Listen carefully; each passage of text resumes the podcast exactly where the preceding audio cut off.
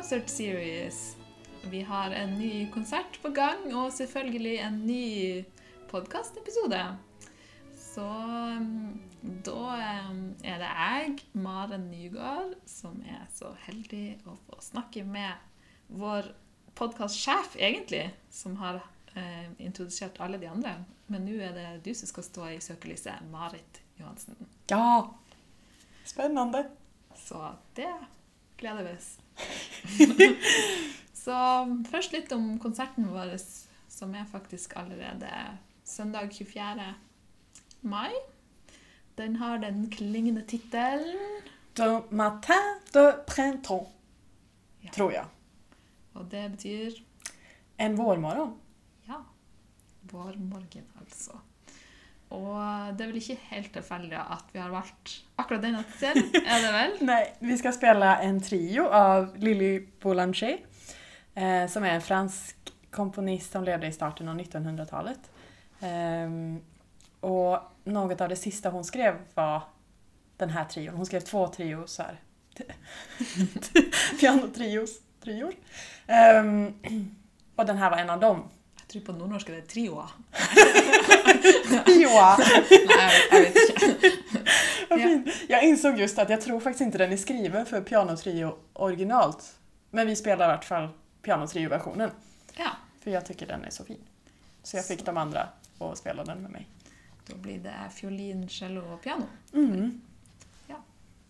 Hva er det som er spesielt med dette stykket? Det, egentligen är det väl att hon är en ny bekantskap för mig. Att jag har inte hört så mycket på henne tidigare. Vilket väl gäller de flesta kvinnliga kompositörer. Att jag... Jag har ju såklart vetat om Clara Schumann och Fanny Hensel, eller Fanny Mendelssohn. Men liksom har inte fått så mycket... I musikhistorien har vi egentligen inte pratat om dem och jag har inte... I kammarmusikundervisningen har jag heller inte... Ingen har föreslagit musik av en kvinnlig kompositör och så har jag blivit väldigt intresserad av det nu i det sista. Ehm, och kanske särskilt med en programserie som gjordes av Katrine Winnes på, jag tror det var på SVT men den gick på NRK också, Ja. eh, som heter She Composes Like a Man. Och där hon bara dyker ner i musikhistorien ur den kvinnliga, kvinnliga perspektivet. Och det är så spännande och det känns så meningsfullt att spela. Ehm, så det har gett mig en liten ny kick på kammarmusik och bara höra ny musik. Och då var hon eh, en av dem som jag bara älskar musiken. Lille Boulanger. Altså. Boulanger, precis. Mm. Hun var fransk, sant? Ja. Ja. Eh, levde i, bodde i Paris, tror jag. Mm. Eh, blev väldigt ung. Hon dog när hon var 24. Eh, så hon är liksom en av dem man, man brukar kalla de unga genier som hon, ja, hon skrev massor men, eller ja, hon kanske inte, hon skrev så mycket hon hann eh, Ja. kan man säga. Och vann en väldigt prestige, tung tävling, Prix de Rome, tror jag den heter. Ja. Ehm, ja. Som första kvinna. Men också till och med Ravel som vi också ska spela musik av, han vann aldrig den och försökt vara med och tävlade många gånger men Mm. ja. Så hon var liksom väldigt ung och lovande men så dog hon allt för tidigt. Veldig synd. Mm. Men det, heldigvis så finnes det noe musikk av henne. Mm. Eh, og da et av de stykkene skal vi spille på eh, konserten på søndag. Mm. Eller faktisk ikke jeg, for jeg har pause. Du har Men eh, du skal få spille cello, Marit. Mhm. Og så skal Kaja Østrevold spille fiolin, og Thomas Stenborg piano. Han kommer tillbaka. Så eh, hva er det med denne klavertrioen som du liker? Det är klangerna. Det är så fina. Nu har jag gått och hört ganska mycket på orkesterversionen så det är Mm. den jag har i huvudet lite grann. Men jag vet inte, jag har... Jag älskar liksom, jag älskar fransk musik och det är något med klangerna som bara... Det är liksom så magiskt. Ja. Och så är den här väldigt livfull och väldigt glad. Um, till skillnad från mycket av hennes musik då, som är lite mer sorgtyngd. Men den här är... ehm, Ja, det är liksom bara som en frisk bris i Mm. vårmorgonen. Nej, jag vet inte, men det, ja, det är mest Så det er på en klangerna. måte rart å tenke på at det faktisk var det, det er vel det siste verket som hun fullførte da, Mm. før hun døde. Og det var eh, veldig Ja. Så er spesielt. Ja. Men det andra, den andra trion som hon skrev samtidigt, eller väldigt nära i vart fall, eh, heter ju eh, ja, Don Soir Trist, eller något sånt. Och det är väl Ledsen kväll? Jag kan inte Okej. franska egentligen, men, men att det, de kanske är lite motsatser Ja. av varandra. Mm. Att det är den ljusa vårmorgonen och så den sorgliga kvällen. De kan komplementere hverandre på Ja. et vis. Kanske det. Mm. Eh, og på denne konserten er det faktisk kun fransk musikk. Mm. Så vi skal også spille Eller ingen av oss, faktisk, men noen. noen skal spille um, Faurés fiolinsonate. Gabriel Fauré. Som er em, faktisk lærer til Lilly Boulanger. En, Ja. en av hennes lærere. Ja, jag tror det var han som upptäckte att hon hade absolut gehör. Ok. När hon var typ fem. Eller sånt. Så en av de store franske komponistene der, altså. Som også underviste på konservatoriet i Paris. Ehm, ja, og denne fiolinsonaten eh, Den ska Kaja och Thomas spela. Ja. Mm. Har du någon relation till den? Har du spelat den? Jeg har faktisk ikke spilt den, men jeg elsker det stykket, så jeg håper at jeg kommer å få spille den en Mm. dag.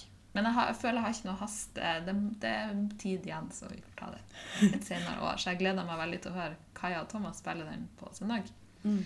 Så um, jeg leste en beskrivelse um, Altså Fauré eh, sin lærer igjen eh, var Camille Sassans, som er en av de store, også en av de store franske komponistene. Og, ehm, og de var nære venner. Eh, og når det var uroppførelsen til denne här ehm, sonaten, så var det Fauré sjøl som satt i klaveret, og så var det en pianist. Og Sassans satt i salen og ehm, um, ga veldig gode tilbakemeldinger på det her verket. Og da skrev han blant annet Nå skal jeg komme med et sitat her. Nye former, utmerkede modulasjoner, uvanlige klangfarger. Og en magi som flyter over det hele, til stede hele verket igjennom, som gjør at vanlige publikummere godtar det uvanlige og modige som om det skulle vært noe ganske normalt. Mm. Så det syns jeg er ganske treffende for den musikken. da. Jeg, jeg kjenner meg umiddelbart igjen. da. Ja. Det som eh, jeg opplever når jeg hører på det òg. Det er en sånn litt sånn sfærisk og ja, utrolig vakkert og også romantisk, men et eller annet, et eller annet veldig magisk over det også. Mm. Um, og vi spurte nettopp Thomas, eh, pianisten som eh, skal spille på søndag, om eh, um, hva han syns om det her verket. Og han, han eh, nevnte bl.a. at det er noen sånne ge- kompositoriske grep da, som, som man ikke kjenner igjen fra an, annen type musikk, med at du har ei basslinje som går trinnvis oppover, mens akkordprogresjonen går nedover. Altså det synk, synker ned akkordprogresjonen, og så stiger ned bass. Og det her skaper en litt sånn spesiell atmosfære, da. Det kommer igjen Mm. flere ganger. Så det kan, kan man jo høre etter. Mm. Ja. Jag har hört Thomas öva på det så mycket så jag gläder mig väldigt till att höra Kaja också och höra Ja. fiol. Fiolen Mm. också. Ja. Mm. Eh, og det siste verket som vi skal få høre aller først, faktisk, på søndag, det, er, det skal vi spille i lag. Ja! Ja, det er Ravel-sonate for fiolin og cello.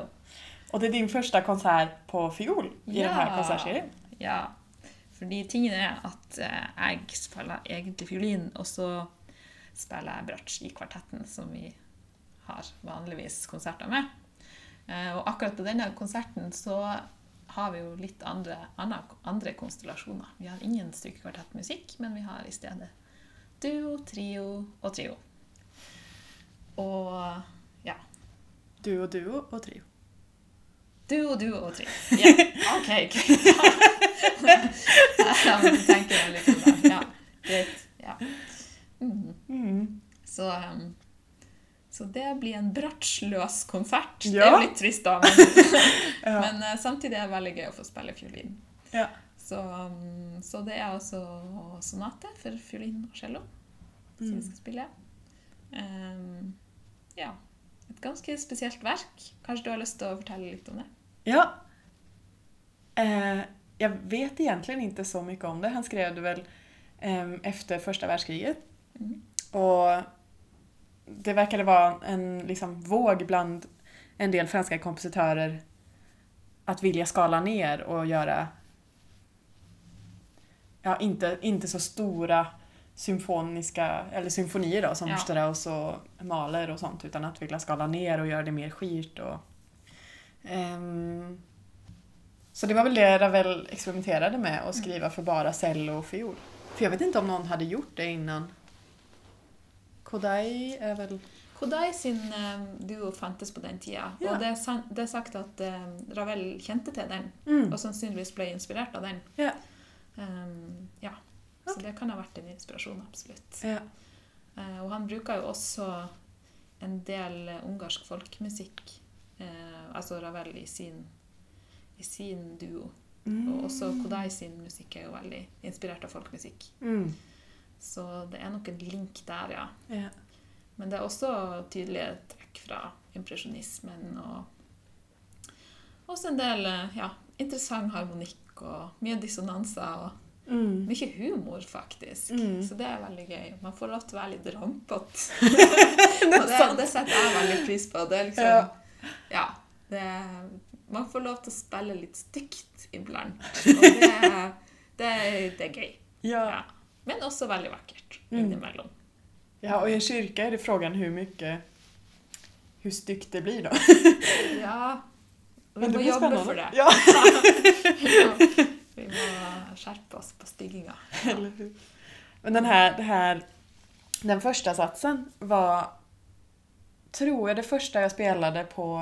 Jag gick efter vidaregående så bestämde jag mig för att gå ett år eh, pre-college. Jag vet inte om det heter det nu. Men ja, ett sånt extra år på i ko- musikkonservatoriet i Falun. Ehm, och det var liksom då jag ville testa om, om jag hade lust att bli cellist. Ehm, om det var en väg jag ville gå. Ehm, och då var den det första jag spelade som kammarmusik. Ok. Och det var väldigt... Eller jag Så spelade... skjønte du det? Ja, Det er cellist det här ska jag göra. Ja men det, hela det året har lite så här ro, eh, rosen skimmer runt Ah, sig. Det var liksom flytta hemifrån första Ja. gången och jag vet inte, bara ja, den friheten det medför och så bara ägna ett helt år åt att förbereda sökningsrepertoar. Ok. Det var nog väldigt kul med det när alla liksom, man är en stor flock som bara har samma mål i sikte Ja. och jobbar mot det. Och också väldigt bra lärare. Mm. Så jag har väldigt sån Mm. emotionell tillknytning till det. Mm.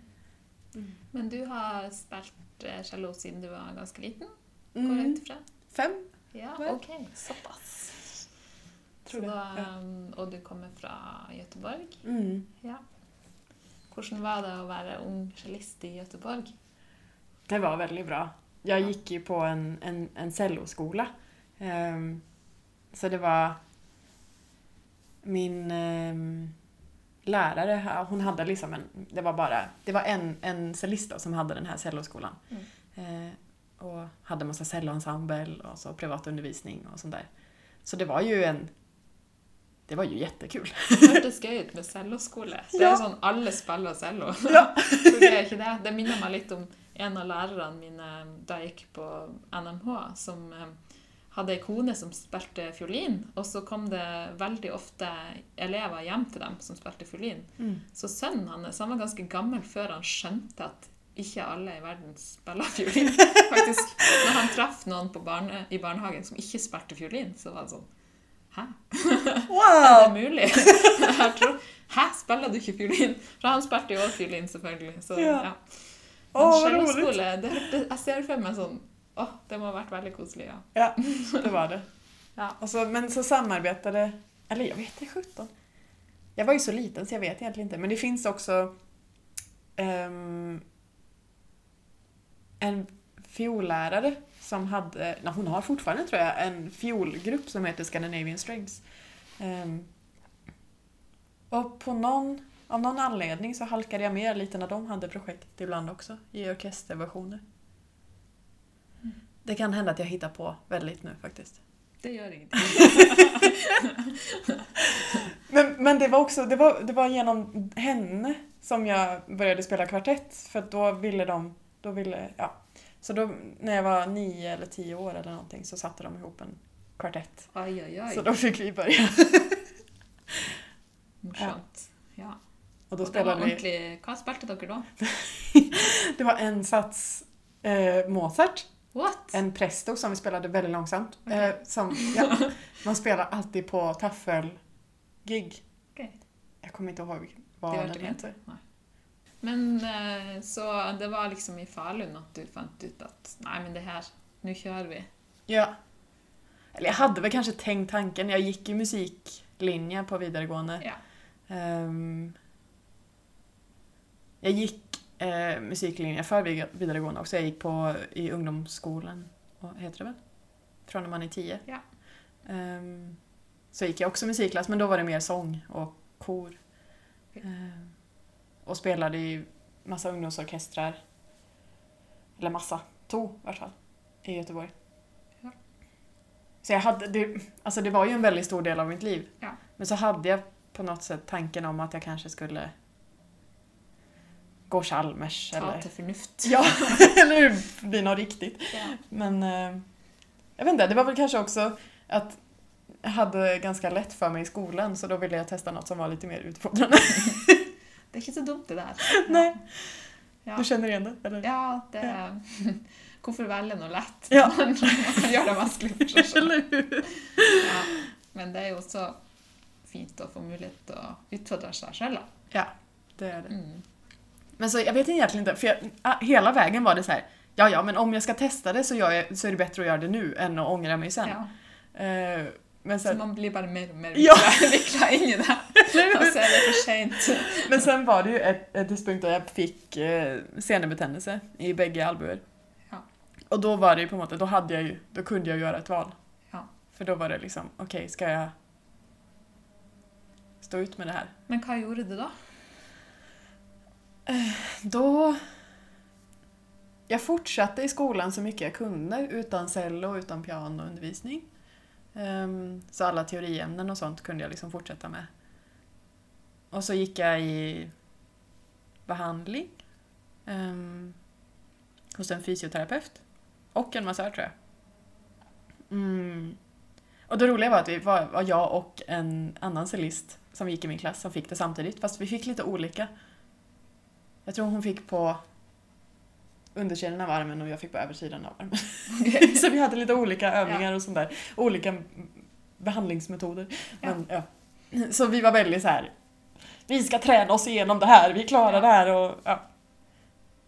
Var väldigt inställda på Ja, det var väldigt skönt att ha det tillsammans med någon. Att Ja. inte, för det var ju inte många av lärarna som, som var förstående eller som hade varit med om det innan. Så då okej. att vi båda två fick det samtidigt var så här, okej jag är inte ett failure Ja. på något sätt. Mm. Så kunde jag liksom fullföra min bachelor men så ehm, men ta alla spelexamen det sista året till exempel. Inte, Okej. För det var här, här var under andra året så då kunde jag skjuta upp dem till nästa år. Så Ja. tog jag. Hadde du øvd for mye da, rett og slett? Begge armene? Det høres litt sånn Ja, det, jag tror jag var, det var kombination av många saker. Det var ju, dels så hade jag ju inte riktigt, hade jag ju ingen bra teknik. Jag var ju Mm. väldigt svag i händerna. Ehm, så det var mycket kompensation. Jag var svag många ställen tror jag. Men, eh, och sen... Jag vet inte, det var någonting med att komma och börja Bachelor och bara börja helt från, från starten. Och så var det i Danmark, det vet jag inte om man sa. Så då var jag flyttat till ett nytt land mm. och bara känna sig helt värdelös på botten. Um, liksom börja om från, cello, från scratch på cello typ. Det var, det var i princip det alla gjorde. Nu ska vi spela lösa strängar och skalor i ett år. Eh, Oj, oj, oj.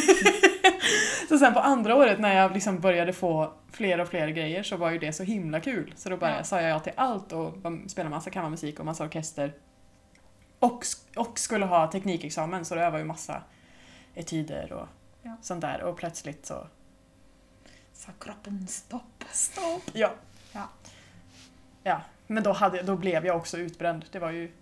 Jag gick ju in i väggen på alla sätt liksom. Ja. Och så kom den samtidigt. så det var inte, det är inte så konstigt när Nej. man tänker på det i efterhand. Men det är bra, du är här fortsatt. Ja! Spela för oss. Eller hur? Ja. Mm. Mm. Ja.